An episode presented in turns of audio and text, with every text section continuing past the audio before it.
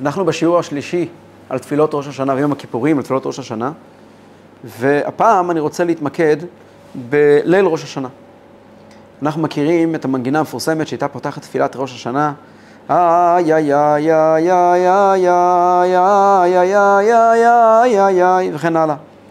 התפילות, המנגינות האלה, יש להן משמעות מאוד מאוד גדולה.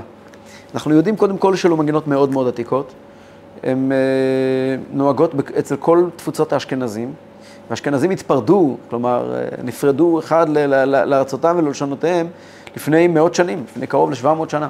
וכבר אנחנו רואים בכל קהילות ישראל, מהאויסטיוד למיניהם, יהודי המזרח למיניהם, קהילות רוסיה, אוקראינה, פולין, גליציה, ועד לארצות ה... היהודים המערביים, האנגלים המקוריים והיקים למיניהם, את אותן מנגינות, בשינויים קלים שמתבקשים מהאזור, זה אותן מנגינות, זאת אומרת מנגינות מאוד מאוד מאוד קדומות. המהריל, שראש מנהגי אשכנז, שחי לפני 600 שנה, כותב, מופיע בשולחן ערוך, שהיה חזן ששינה מהמנגינה המקובלת, והוא נענש משמיים בעונש חמור מאוד, בימים כאלה לא מדברים על עונשים. אז רק אומר שכתוב בשולחן ערוך שהוא נענש בעונש חמור מאוד, כי הוא שינה את המנגינה המקובלת מדור דור. הניגונים האלה נקראים סקרבה וניגונים, ניגוני מסורת, וחלק מהם, אנחנו יודעים שהוא הגיע מהמהר"ל מפראג, שחי לפני 500 שנה בערך. המהר"ל מפראג, כך כתוב בשיחות של הרבי הקודם, ביקש משמיים כוח להילחם בקליפות, בשונאי ישראל, שרוצים להרע לישראל, והוא קיבל משמיים את הניגונים האלה. לכן חשוב מאוד, הניגונים האלה הם חשובים מאוד, וצריכים להשתמש בהם, זה כוח שאותו קיבלנו אה, כדי להשתמש בו. ליל ראש השנה מקובל אצל יהודים, אצל חסידים, שתפילת ליל ראש השנה היא מאוד מאוד מאוד משמעותית, ורבותינו הקדושים היו נוהגים להתפלל אותה בהרחבה, באריכות גדולה מאוד, במשך שעות ארוכות, בדמעות שליש, ואצל רביהם הקודמים היו ממש יכולים ללכת לראות שיש תיאורים מהרבי רש"ב ומהרבי הקודם, שהפרוכת שעל הסטנדר שעליו היו מתפללים הייתה ספוגה מדמעות, ממש באופן ממש ממש הרבה הרבה דמעות. ואומנם הרבי שלנו לא זכינו לראות אותו מתפלל אה, באריכות, אנחנו לא יודעים מדרכיו ומעלותיו, אבל אנחנו יודעים שהרבי הורה להרבה אנשים, הורה להם לא לשכוח שבליל ראש השנה צריך להתפלל באריכות. אני אה, אה, יכול לזכור שרבי יואל כהן, זיכרונו לברכה, הוא בדרך כלל במשך השנה לא היה מעריך בתפילה, מתפלל מהר, מתפלל עם המניין, ונחפז לעניינים שלו, שהוא היה עסוק בלכתוב את התורה של הרבי ולהפיץ את היהדות ואת המעיינות חוצה, ולא היה לו זמן להעריך בתפילה כמו חסידים הקדמונים. אבל בליל ראש השנה, אני זוכר, עצמי ראיתי לא פעם ולא פעמיים, ראיתי אותו עומד בבית מדרש של הרבי, מה שנקרא בזל הקטן, ומתפלל שעות, שעות, תפילת ליל ראש השנה. בתפילת ליל ראש השנה אפשר להעריך בזה, אנחנו לא נעשה את זה במסגרת הזאת. כל מילה ומילה בתפילה נוגעת וחשובה ומסבירה את העניין של מלכות הקדוש ברוך הוא על העולם. אמ, אנחנו נוהגים בחב"ד, לפני כל תפילה, לנגן את הניגון אבינו מלכנו של אדמו"ר הזקן.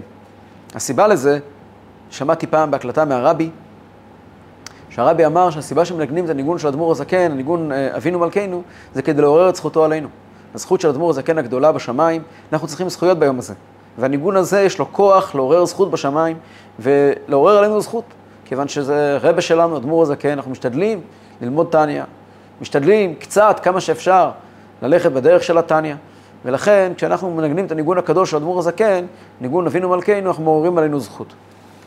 תפילת ליל ראש השנה, תפילה היא רגילה, אה, להוציא את 18 שכבר דיברנו עליו אה, בסרטונים הקודמים. מיד אחרי שמסיימים את אה, תפילת 18, אומרים את מזמור לדוד מזמור.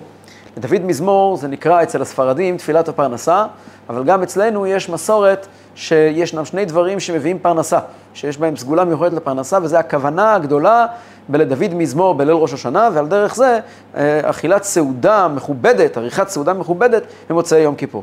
כתוב שצריכים להגיד את זה בכוונה גדולה. מה זה כוונה? לא לכוון על הכסף. כוונה, הכוונה לכוון למילים. יש את החסידים, תמיד היו מצביעים על השורה, נקי כפיים ובר לבב, אשר לא נוסע לשווא נפשי ולא נשבע למרמה, הכוונה היא לזכור שנשבענו את השבועה, תהי צדיק ואל תהי רשע, ואנחנו נושאים את הנפש האלוקית שלנו, יש לנו משימה ותפקיד כאן להשלים בעולם. אז הזיכרון הזה, ההתמדה במחשבה הזאת, שיש לי משימה ויש לי תפקיד, שזה המהות של קבלת המלכות שמיים של אל ראש השנה, זה מה שמביא את הפרנסה, מביא את, את, את, את, את השפע האלוקי כאן למטה בעולם. מנהג חסידים בליל ראש השנה שלא מדברים, ככל האפשר. ממעטים בדיבור ומרבים באמירת תהילים. לא צריכים לדבר, לא מדברים סתם דברים בטלים, ולכן אה, אה, המשפט היחידי שנוהגים לומר ומקפידים לומר אותו מיד אחרי התפילה, זה לשנה טובה תיכתב ותיחתם, שנוהגים לאחל בליל ראש השנה. אה, נעבור למושג יוצרות. דיברנו על תפילת ליל ראש השנה, תפילת שחרית יש בה את, את המלך. המלך, זה מופיע בסידור בעמוד מספר 94. במחזורים הישנים, האשכנזים הישנים, היה פה יוצרות. יוצרות זה קטעי אה, תפילה ופיוט שנמצאים בברכת יוצר אור. אנחנו לפה לא אומרים אותם כי אנחנו חוששים מהפסק באמצע ברכת יוצר אור. אבל כן, מתחילים את הסדר של תפילת אה, ראש השנה ויום הכיפור במלך, המלך בעמוד 94, מופיע כאן המשפט המפורסם, כתוב כאן מעל שלוש שורות, שרק לקרוא אותם הלב נחרד. מהמחזורים הובא שהרב הקדוש רבי אהרון מקרלין נשמתו עדן זיהה מגדולי תלמידי הרב המגיד נשמתו עדן. פעם אחת כשהתחיל לומר המלך נתעלף מאוד. אחר כך שאלו מה היה זה? והשיב שהתבונן במאמר המובא בדברי חז"ל למסכת גיטין, אם מלכה נעד אשתא עמי לא עתית לגביי. שרבן יוחנן בן זכאי הגיע לאספסיאנוס הקיסר, אמר לו שלום עליך מלך, אמר לו אני לא מלך, ואם אני מלך איפה היית עד עכשיו? ורבי אהרון הגדול מקרלין שאל את עצמו, אם אנחנו אומרים המלך, איפה היית עד עכשיו? וענן מה נענה הפטרי, מה אנחנו נענה אחריו? אפשר לראות במחזורים שהמלך מסודר כמו כתר, יש המלך במילה גדולה למעלה, שקוראים בקול רם המלך, כל שאנחנו אומרים היושב על כיסא רם ונישא, וכעת אנחנו אומרים יושב, כעת הוא יושב על כיסא רם ונישא, ואז מתחילים להגיד את השוכן עד, ויש הדגשה בתוך המחזור על הקטע בפי ישרים תתרומם ובשפתי צדיקים תתברך, מראים לנו, בראש השנה בלבד, מראים לנו איך זה יוצר את הצירוף יצחק ורבקה, כן? בפי ישרים תתרומם, איי איי איי איי איי איי איי איי איי איי ובשפתי צדיקים תתברך, איי איי איי איי איי וכך הלאה, אז ישרים, צדיקים, חסידים, קדושים, זה יצחק, תתרומם, תתברך, תתקדש ותתהלל, זה רבקה. והקשר שלהם לראש השנה הוא מאוד ברור. ראש השנה זה היום של יצחק. אנחנו, עקדת יצחק היום לזרעו ברחמים תזכור, יצחק זה עניין של יראת שמיים, קבלת עול מלכות, מלכותו יתברך, ואנחנו כעת מתחברים דווקא עם העניין של יצחק, של קבלת עול מלכות שמיים. אחרי השתבח אומרים את שיר המעלות ממעמקים, בפעם הראשונה, ואחר כך אומרים את זה כל עשרת ימי תשובה, שהעניין שלו זה כמו שכתוב בלקוטי תורה, שאם ישנו נהר שחרב, התייבש, חרב היבש, בלשון אדמו"ר זקן בלקוטי תורה, ואין בו זרימה של מים, אז חופרים במעמקים אל היסודות, אל. אל השורשים של המעיינות, כדי להוציא מים חדשים. אז אנחנו שהחרבנו כביכול את המעשים שלנו, והמעשים שלנו יבשים, אנחנו צריכים לחפור בהם בעומק, ואז לגלות את עצם הנשמה שלנו, ומשם להמשיך חיים חדשים ולקבל על עצמנו התנהגות אחרת, ממעמקים קראתיך, יש לנו עשרה עומקים שמגלים אותם מראש השנה ועד יום הכיפורים. אז אה, ברכת יוצר אור אצלנו, מנהג שלנו שזה כרגיל. אחרי שמונה עשרה מתחיל העניין של מה שאנחנו קוראים היום יוצר. זה לא בדיוק יוצר, אנחנו קוראים היום יוצר. זה, אה, רוב, אנחנו אומרים פיוטים רק מאוד מאוד מאוד אה, חשובים וישנים. אלו פיוטים שנכתבו ברובם על ידי רבי אלעזר הקליר. רבי אלעזר הקליר היה חכם בארץ ישראל בתקופת הגמרא, או תקופת המשנה. ישנם דעות שהוא רבי אלעזר בן רבי שמעון. ודאי היה מקובל גדול, ואנחנו מאמינים שכל אות שהוא כתב יש בה המון המון נבואה ורוח הקודש. ו, וצריכים, למרות שהמילים הן מילים קשות, כדאי לעבור על המילים האלה ולהבין אותן, כי אלו מילים חשובות, כי אלו תפילות קדושות מאוד. אה, אנחנו פותחים את התפילה, אגב, החזן, בחדרת השץ יש לו תפקיד מאוד חשוב, הוא אמור פה לרומם את הציבור, אז מיד, עם אה, אחרי הפתיחה של למען שמו באהבה, הוא פותח ב"מסוד חכמים ונבונים", ושחרית המנגינה היא מסוד חכמים ונבונים, איי איי איי איי איי איי איי איי איי איי איי ומלמד דעת מבינים איי איי איי איי איי איי איי איי איי וכך הלאה, יפתחה פי בתפילה ותחנונים לכלות ולחנן את פני מלך מלכי המלכים ואדוני אדונים. פירוש השורה הזאתי זה בעצם בקשת רשות להפסיק באמצע שמונה עשרה. אנחנו יודעים שהרבה קהילות, הספרדים היום, לא מפסיקים ולא אומרים את היוצרות, מכיוון שאי אפשר להפסיק שמונה עשרה. ואנחנו קיבלנו רשות מחכמים קדמונים להפסיק בשביל ראש השנה ויום הכיפורים בלבד. בעולם יש מקומות שעושים את זה בעוד הזדמנויות, אבל אנחנו רק בראש השנה ויום הכיפורים מפסיקים כי זה זמן חשוב מאוד וצריכים לעורר חמש שמיים. אז אנחנו אומרים, מסוד חכמים ונבונים, קיבלנו את הרשות. הם הרשו לנו, מלמד דעת, מבינים, הם לימדו אותנו שמה? לפתוח את הפה בתפילה ותחנונים ולקבל רשות להתפלל ולדבר באמצע שמונה עשרה את הבקשות המיוחדות האלה של החזן שהקהל עוזר לו. ואז ביום הראשון יראתי בפצעתי, ביום השני עתיתי לחננך, זו תפילה אישית של החזן שהוא מבקש מהקדוש ברוך הוא שיעזור לו להתפלל. אחרי זה יש את הפיוט, עמוד 114, ברגע שמגיעים למחיי המתים, מתחילים את הקדושה, והקדושה, מצוות קדושה, אה, אה, ברכת קדושה, היא הדומיננטית בראש השנה וביום הכיפורים.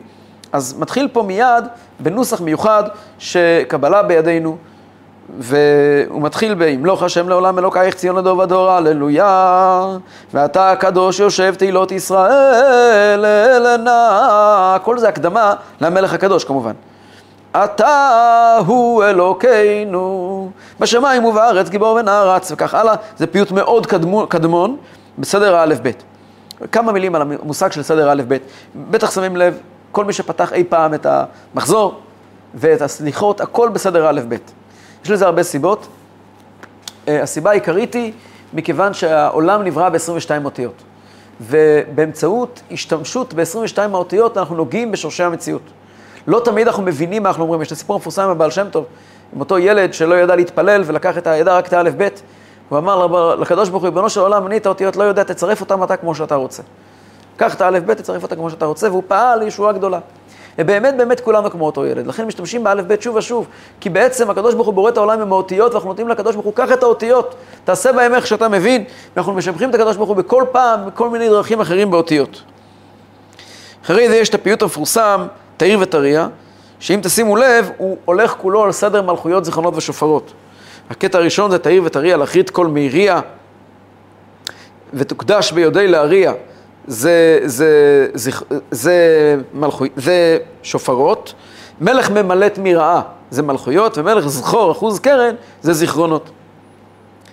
אה, ואז הולך פיוט שמו מפארים עדת חבלו, שנכתב על ידי רבי שמעון הגדול ממגנצה, מראשוני ראשוני הראשונים, עוד חי לפני רש"י, והפיוט הזה יוצר את הראשית אבות של השם שלו.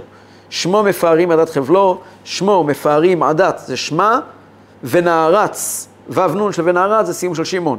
אחר כך הקטע הבא זה שומרי מצוותיו עוד זה שמע, ונדברים עוד עין ו' זה שמעו, ונדברים זה נון. אחר כך גם שפרו מעשיכם.